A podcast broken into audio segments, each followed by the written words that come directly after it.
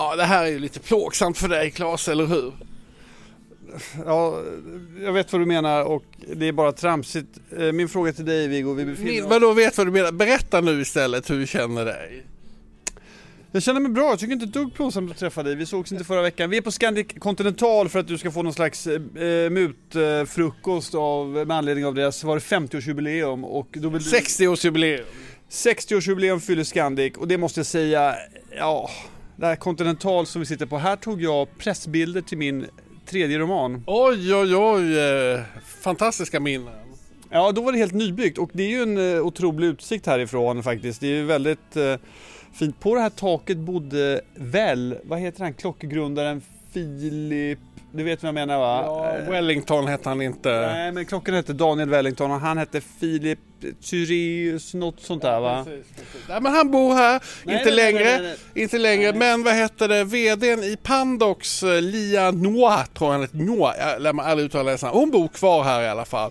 Eh, och då ska man tänka att det är ett Pandox-hus, men jag tror inte att det är det, jag tror att det är Vasakronan. Nej, du är lite osäker här faktiskt. Fastighetsägaren. Du, eh, ja, Vet du hur det går för någonting? nej, berätta.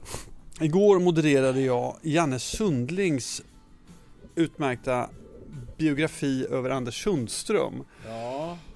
Och det gjorde vi på Röda rummet, cirka 70 personer. På. Berns eller?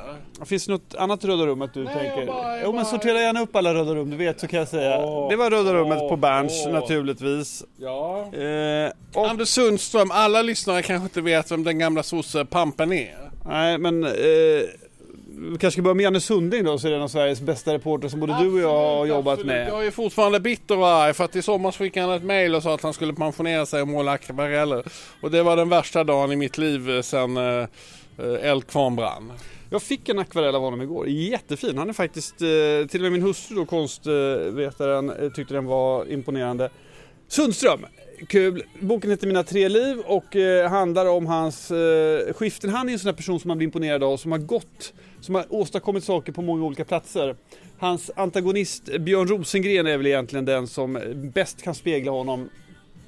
Annars finns den här typen inom olika sektorer. Linda Skugge är väl ett sånt namn också. Kommer du ihåg när Linda Skugge gick från att vara arg feminist till moderat och sen även till dess hon startade en PR-byrå. Kommer du ihåg det? Ja, och sätta förlag också. förlag absolut. Ja, men alltså nu porrstjärna, det är ändå en väldig utveckling. Ja, nu ska vi vara försiktiga med epiteten här. Men det är en person... Försäljare av porr då? eh, En person Av erotiska bilder kan vi kalla det för då. Lite, vi säger fint och vi låtsas att vi jobbar på kultursidan. Men det är en person som är, gud så nöjd med mig själv. Det är en person som är i ständig resa och som gör spännande saker. Det har gjort Anders Sundström också gjort. Det var rätt kul eh, för att han har ju tidigare varit gift med, eller så han är sambo med tidigare utrikeshandelsministern Anna Hallberg.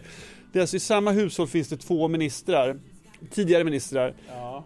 Vi försökte komma på vilka som mer sitter på den här unika situationen och kom på endast följande. Ulf och Lena Adelsohn, Alva Gunnar Myrdal, Erik Åsbrink, Ylva Johansson. Kan du komma på någon annan? Nej, det känns ju som ni har ansträngt er maximalt. Hur ska jag då kunna på liksom noll sekunder kläcka ut något lika genialiskt? Och med anledning av ett av de här paren då, familjen Myrdal. Du är ju en stor fan av Gunnar Myrdal. Hur ser du på den här boken som kommer ut med, med brev som avslöjar honom egentligen som en eh, bortskämd Svante Tegnér-brat snarare än eh, något annat? Alltså jag har faktiskt träffat Janken Myrdal, det var ganska länge sedan nu men jag hade ett uppdrag för LRF efter jag skrev någonting, jag kommer inte ihåg men då var jag hemma hos honom och träffade honom. Eh, det är ju väldigt spännande, han bor ju i lägenheten över, tror jag, den som Olof Palme och Lisbeth bodde på vid mordet. Och han berättade för mig då, eh, det har ju inget med det här att göra, men att eh, fram till det att eh, att mordet skedde, då var det aldrig någon bevakning på den där lägenheten, det fanns aldrig någon vakt. Men efter mordet, då, då, då blev det liksom en polis stationerad där i deras hus. Det säger något om det naiva i Sverige.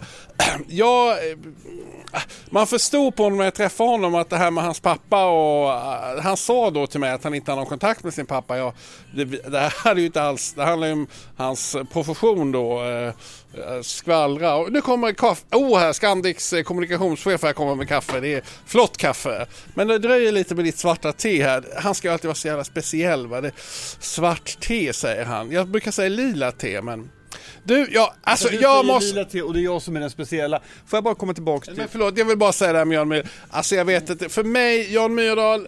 är inget av de här människorna, eh, de påverkar inte mig så mycket. Jag har en gång gått förbi Jan Myrdals hus i Varberg och då hade han väldigt fint skylt där det stod Myrdal i skylten. Det var jag väldigt imponerad av. Jag blir provocerad över eh, hur Jan Myrdal har kunnat bete sig i alla år. Jag blir också provocerad över att han, den eh, politiska ståndpunkt punkt han har, hur eh, svenska kulturetablissemanget alltid har tuggat i sig det helt okritiskt, i princip helt okritiskt. Eh, och att han stått Eh, för de här eh, för liksom alla hemska saker han stått för. Jag tycker det är en otrolig lättnad att de här breven kommer fram nu så att han knuffas ner från den här pedestalen. Jag måste säga att John Myrdal äcklar mig. Han äcklar mig fruktansvärt mycket. Han är ju en gammal sektledare, det är väl inte så... Det tycker inte du är äckligt eller? Jo, men alltså jag, på något sätt, han skiljer inte sig från andra sektledare. Jag såg någon judisk eh, sektledare här i Israel som eh, hade tvingat eh, 12-åringar att gifta sig med 14-åringar. Det var ju liksom lite samma. Det, det som jag är fascinerad över är det här eh, Alltså det måste vara, jag tror Jan Myrdal är sådär att han börjar liksom prata och så, så märker han att eh, jag får med idioterna på det här, jag får med idioterna på det här och jag får med idioterna på och här. till slut så är ju liksom och så bildas det en kult i publiken. Ja men vi är med, vi är med, vi är med. Oh vi ställer upp på vad heter det, Calcutta, eh, vad heter det, inte Calcutta, Kampuchea, folkmordet i Kampuchea. Alltså det är liksom, och vi ställer upp på att de är lyckliga i den där byn som de håller på att svälta ihjäl i Kina. Det, det, det är liksom, jag tror bara att han testar gränser. Jag tycker Peter Kadhammar har skrivit en väldigt fin bok där han har gått igenom Jan Myrdals bibliotek och där då Kadhammar inom citat då avslöjar att Jan Myrdal kände till utrensningen i albanska kommunistpartiet men inte skrev om det. Eh, Det, ja, Men alltså, du pekar ju på exakt rätt grejer och skillnaden mellan Jan Myrdal, om han nu är en sektledare, dina ord, sektledare. och övriga sektledare är att han hyllats i decennier på kultursidor av intellektuella i Sverige. I princip okritiskt. Detta är det som provocerar mig. Och att han inte har kunnat ta hand om sina barn och att han har varit en jävel mot sina fruar.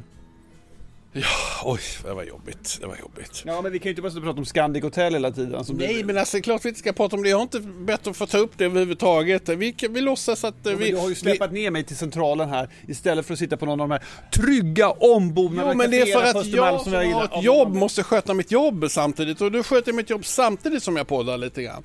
Du, eh, jag har ju varit på massa olika event här. Eh, jag tänkte jag skulle berätta lite om det. Vilket vill du börja med? Berätta, det låter roligt. Vilka har vi att välja mellan?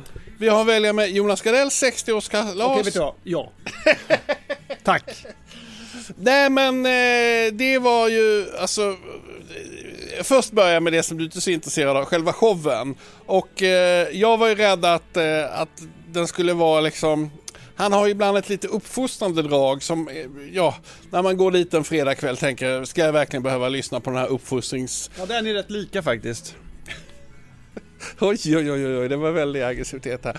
Du, nej men eh, då vill jag säga att uppfostrings, det är lite uppfostring, men det är ganska mycket sexskämt, eh, eh under bältet skämt, väldigt mycket låga skämt som han då eh, i sin, eh, med 40-årig erfarenhet av att dra skämt, presenterar på ett oerhört elegant sätt. Alltså, att dra pruttskämt och kissskämt och sexskämt och analsexskämt. Alltså det, han gör det med en briljans som är enastående och eh, jag är, vet det, tycker väldigt mycket om att umgås med honom. Han är ju inte alltid har inte så mycket, håller på så mycket privat men, men men eh, där, det var fruktansvärt roligt. Men nu kommer vi till det mest intressanta. Var Ulf Kristersson där? Ulf Kristersson var inte där, men jag satt ju, jag såg ju lite olika bromance-relationer och vad heter det, kvinnlig bromance. Ja, det börjar med den manliga bromansen. Framför mig satt ju två stycken, alltså de var ju som förälskade två. Jag vet, vänta. Marie-Louise Ekman och Eva Attling. Marie-Louise Ekman och Eva Attling. Alltså, jag sa, för det första sa jag bromance. Vad, tänker, vad är det? Fast du sa kvinnor, eller hur? Ja, nej men förlåt. Jag sa först bromance och sen så fanns det kvinnor också. Men jag tänker jag börjar med bromance. Eh, Säg du då vilka de var. Ja, men vilka, du ska få gissa ju. Jag gissade det gick åt helvete.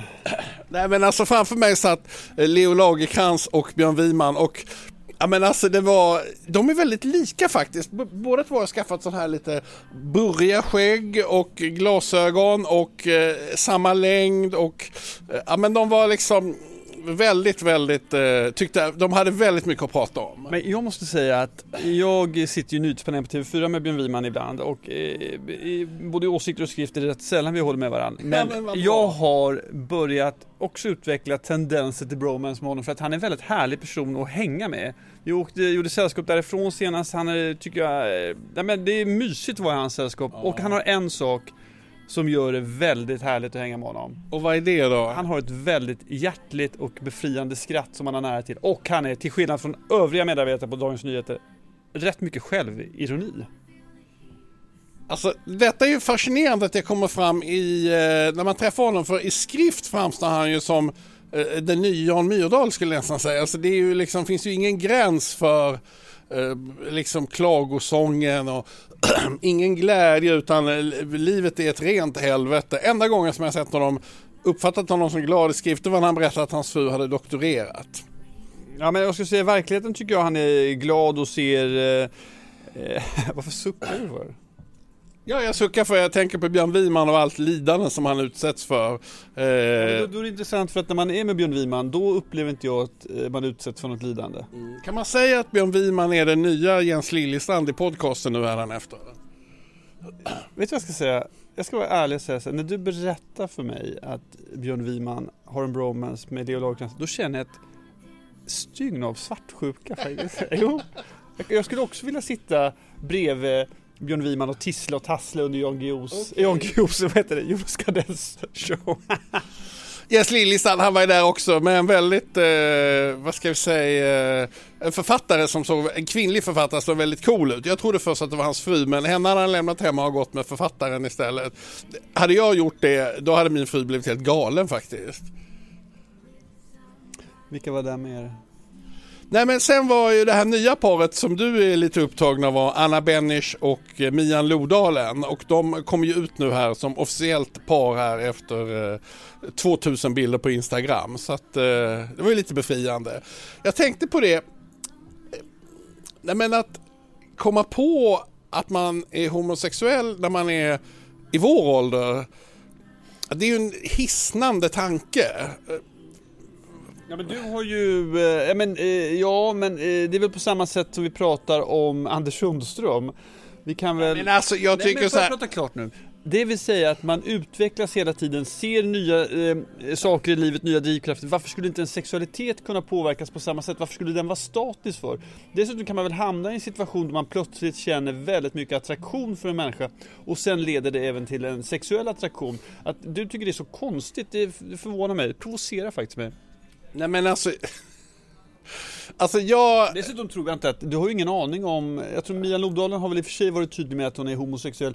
Eh, nej men, Hon eh, är väl en av de mest rabiata ju- homosexuella Jo, lesbiska personerna. Man kan ju vara också bisexuell. Jo absolut, absolut. Ja, men visst kan man vara bisexuell men jag tycker jag har ju sedan 20-årsåldern eh, gått igång på en viss typ av mörkhåriga eh, som jag uppfattar sexiga lite exotiska kvinnor varav min fru är den i särklass mest underbara eh, alltså varelsen jag kan tänka mig. Alltså, men jag kan ändå se ett visst Vad är mönster. det för skyldigt svar att beskriva sin fru på det sättet som du gör? Vi får väl utgå från att det är på det sättet. Ja, men jag tycker inte det skadar att lyfta fram eh, att man blir glad av sin partner. Och det ska jag säga bara som en liten utvikning så var Malou von Sivers med i Cyklopernas land.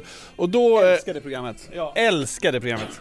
Fan det enda jag ser på SVT nästan. Ja, nej, men alltså det är ett fantastiskt program. Men då, Garplind, han är ju väldigt... Eh, Ett geni.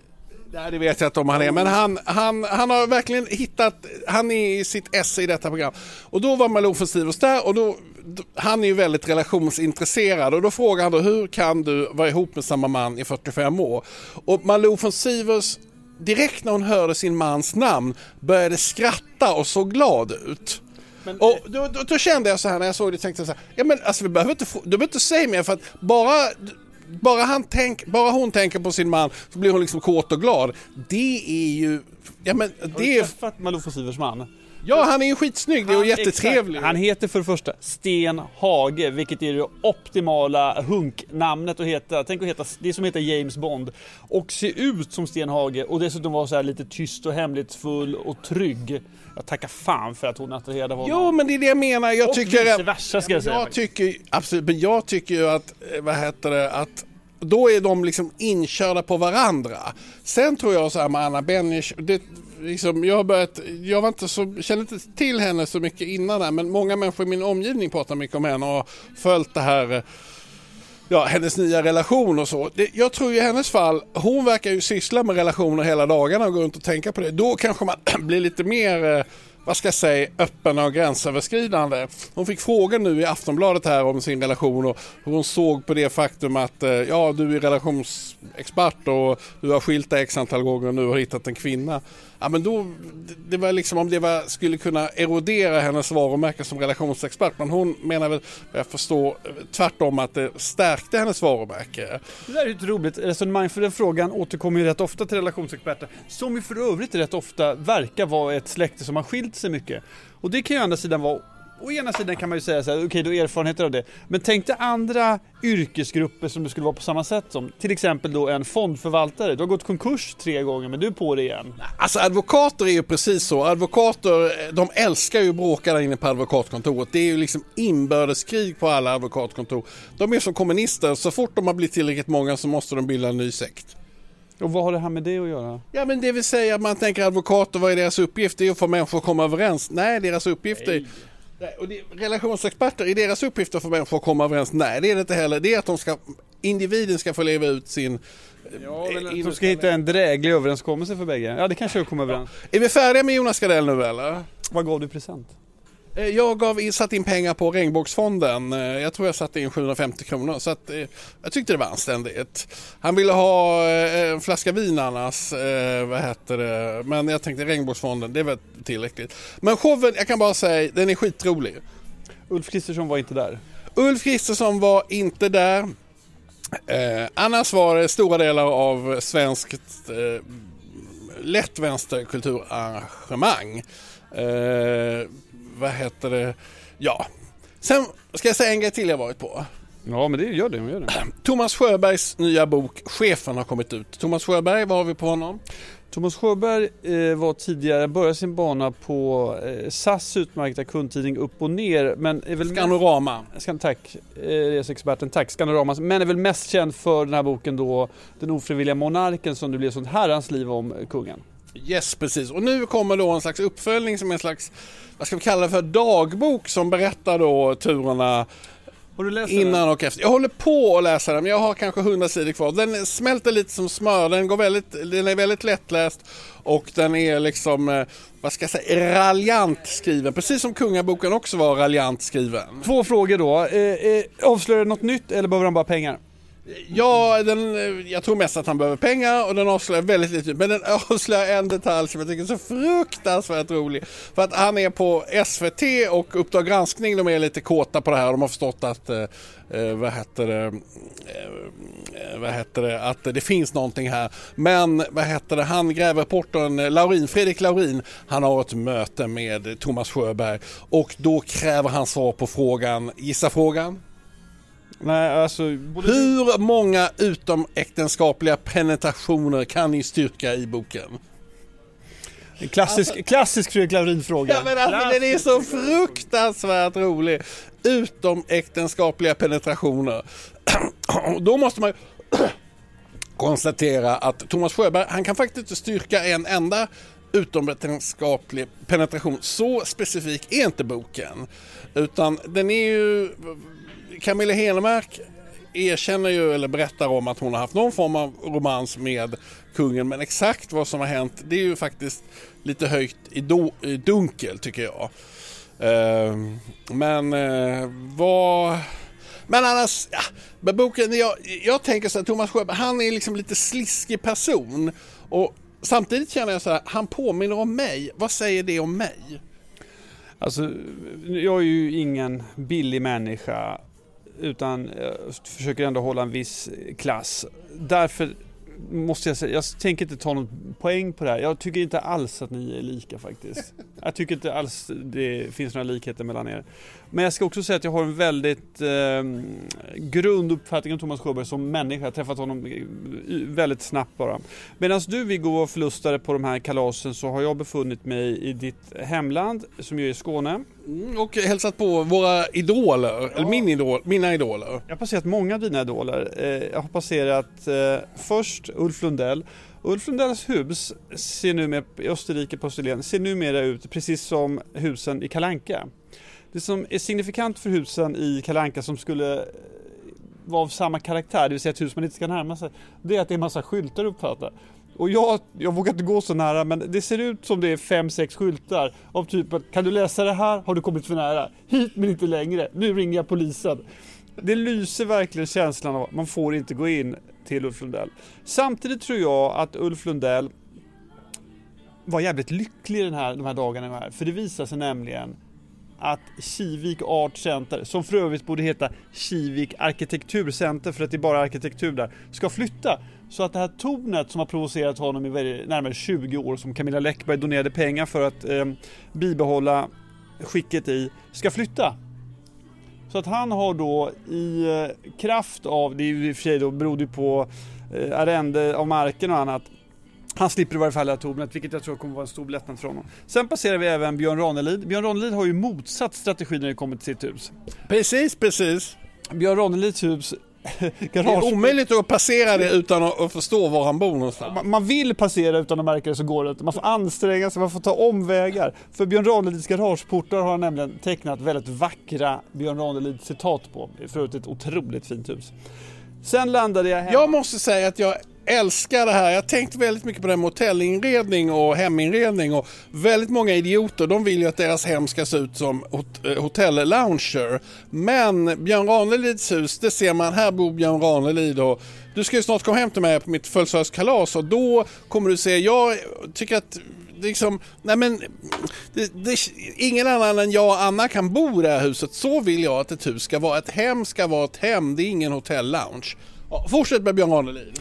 Nej men eh, det där var ju för sig en intressant eh, passus. Och när du menar bord, då tänker du eh, alltså inredningsmässigt eller tänker du på... Eh... Nej, men alltså, precis, folk, om du tittar till exempel, jag såg, ja, men man läser den här utmärkta tidningen Perfect Guide, de här hemmen där. Alla de hemmen som ser, de ser ut som hotell-lounger. Man tänker, det här kan, det, det är liksom, ja flytta ut Schulman och flytta in Schiller, ingen kommer märka någon skillnad. De är helt anonyma, helt köns, liksom och ja, det tyckte och jag var så jättebra när vi var på Carl Larsson-gården för då känner man så här, här kan bara Karin och Carl Larsson bo. Det är liksom rum, det är liksom uppbyggt för att de ska ligga och spana på varandra i sängarna och det är liksom personligt. Ja, skitsamma. Fortsätt nu här. Du åkte förbi Björn Ranelid. Jag kan berätta lite mer om Björn Ranelid. Jag har haft kontakt med honom senast. Jag vet, mina barn eh, har börjat härma dig hur du har den här podden. Det är ju du gör exakt på det här sättet. Du ställer en fråga och börjar prata om dig själv. Fortsätt med Björn Ranelid. Jag kan berätta om Björn Ranelid. Det tycker min dotter är ohyggligt roligt.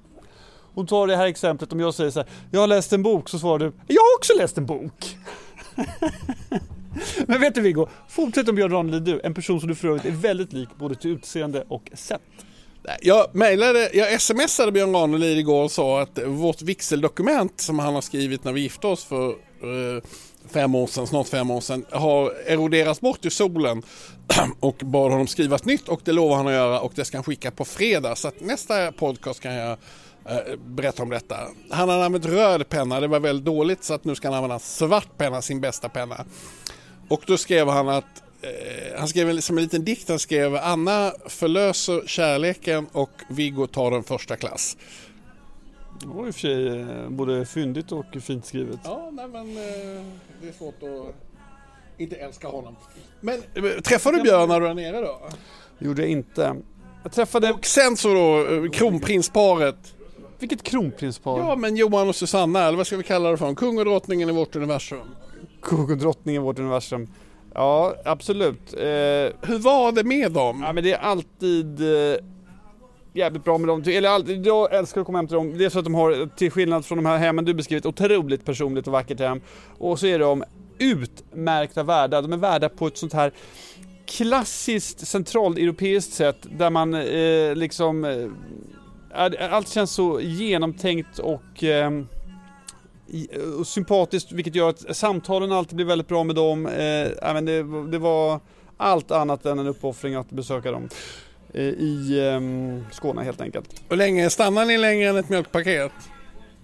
Ja, men precis, och på samma centraleuropeiska sätt så eh, installerade de en i eh, utmärkta sängar, sovrum och man hade kunnat stanna länge som helst. Men vi stannade ett dygn, sen åkte vi till Köpenhamn och då tänkte jag på dig rätt mycket för att du och jag var ju i Köpenhamn med övriga redaktionen en gång i tiden och det blev som alltid när vi reste med dem, eh, delades in i två grupper. Du och jag i en grupp och övriga redaktionen i en annan. Och då kommer jag ihåg när vi var i Christiania och du, jag hörde dig prata danska första gången och det har vi pratat om här tidigare. Du pratar ju en utmärkt danska. Vad är det som pågår här nu? Nu är det något fel på, det är inte vårt ljud utan ljudet i deras. De ska... Scandic 60-års uh, haveri. alltså. Christiania, när var det där senast? Nej, men jag minns inte, det kan vara med dig. Jag, men, jag har inget minne, rökte vi haft då eller? Nej, det gjorde vi verkligen inte. Eh, Och eh, jag vill också minnas, vilket var en skillnad från nu, att jag tror inte ens vi blev erbjudna någon hasch. Nu var det däremot eh, pushers i varenda. Vartenda, vi sitter i pusher, jag är så dålig på den här knarkslangen. Eh, I vartenda hörn. Okej, ja, det- jag har ingen... eh, Jag har liksom förlorat kontakten med Danmark. Alla mina danska släktingar har dött ut. Men jag ska få kontakt nu med SAS nya kommunikationschef. En kollega till Thomas Mattsson. Eller han, dansken, han har blivit typ ny PR på Litruk på eh, SAS. Men han hade tidigare Thomas eh, Mattssons jobb i Danmark. Och då blev jag jätteglad. För alla danska journalister förstår vilken viktig person jag är. Vad har Thomas Mattsson och eh, Johan Hakelius gemensamt? Ja, de är väl före detta chef...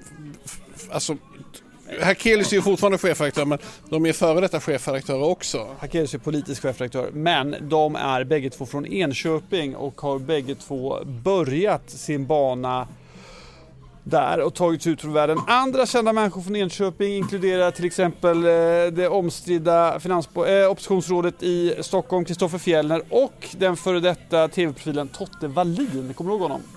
Eh, nej, nej. Minns du inte Totte Wallin? Nej, det är helt blankt. Man får googla sen. Person som jag inte riktigt förstår varför han försvann från eh, rampljuset. Nej, men det är många som försvinner, man Ja, det förstår inte varför. Här- Det kan vara här har du det- två exempel. Du, ska vi kolla tiden här nu? Eh, Men jag... Du har fått väldigt mycket feedback från förra avsnittet att du eh, eh, åt den här äggmackan det har provocerat och stört många. Jaha, jaha. Jag fick ett anonymt sms det stod så här, vill ni ens ha några lyssnare? jag svarade nej. Jag träffade flera lyssnare då på Jonas Gardells kalas här. Karin Olsson, eh, hon... eh, Ljuvliga Karin Olsson. Ljuvliga Karin Olsson. Oj, oj, oj, hon har liksom tagit Eva Bäckmans plats i ditt liv nu här. Karin Olsson och jag var ju lite grann då, vi skojade om det när vi jobbade på Resumé ihop, antagonister och eh, lite satt och funderade på vem som skulle vinna karriärracet. Eh, vi hade två helt olika inriktningar, man får väl nu i efterhand konstatera att det var hon som vann eh, totalt och if you can't beat them, join them helt enkelt.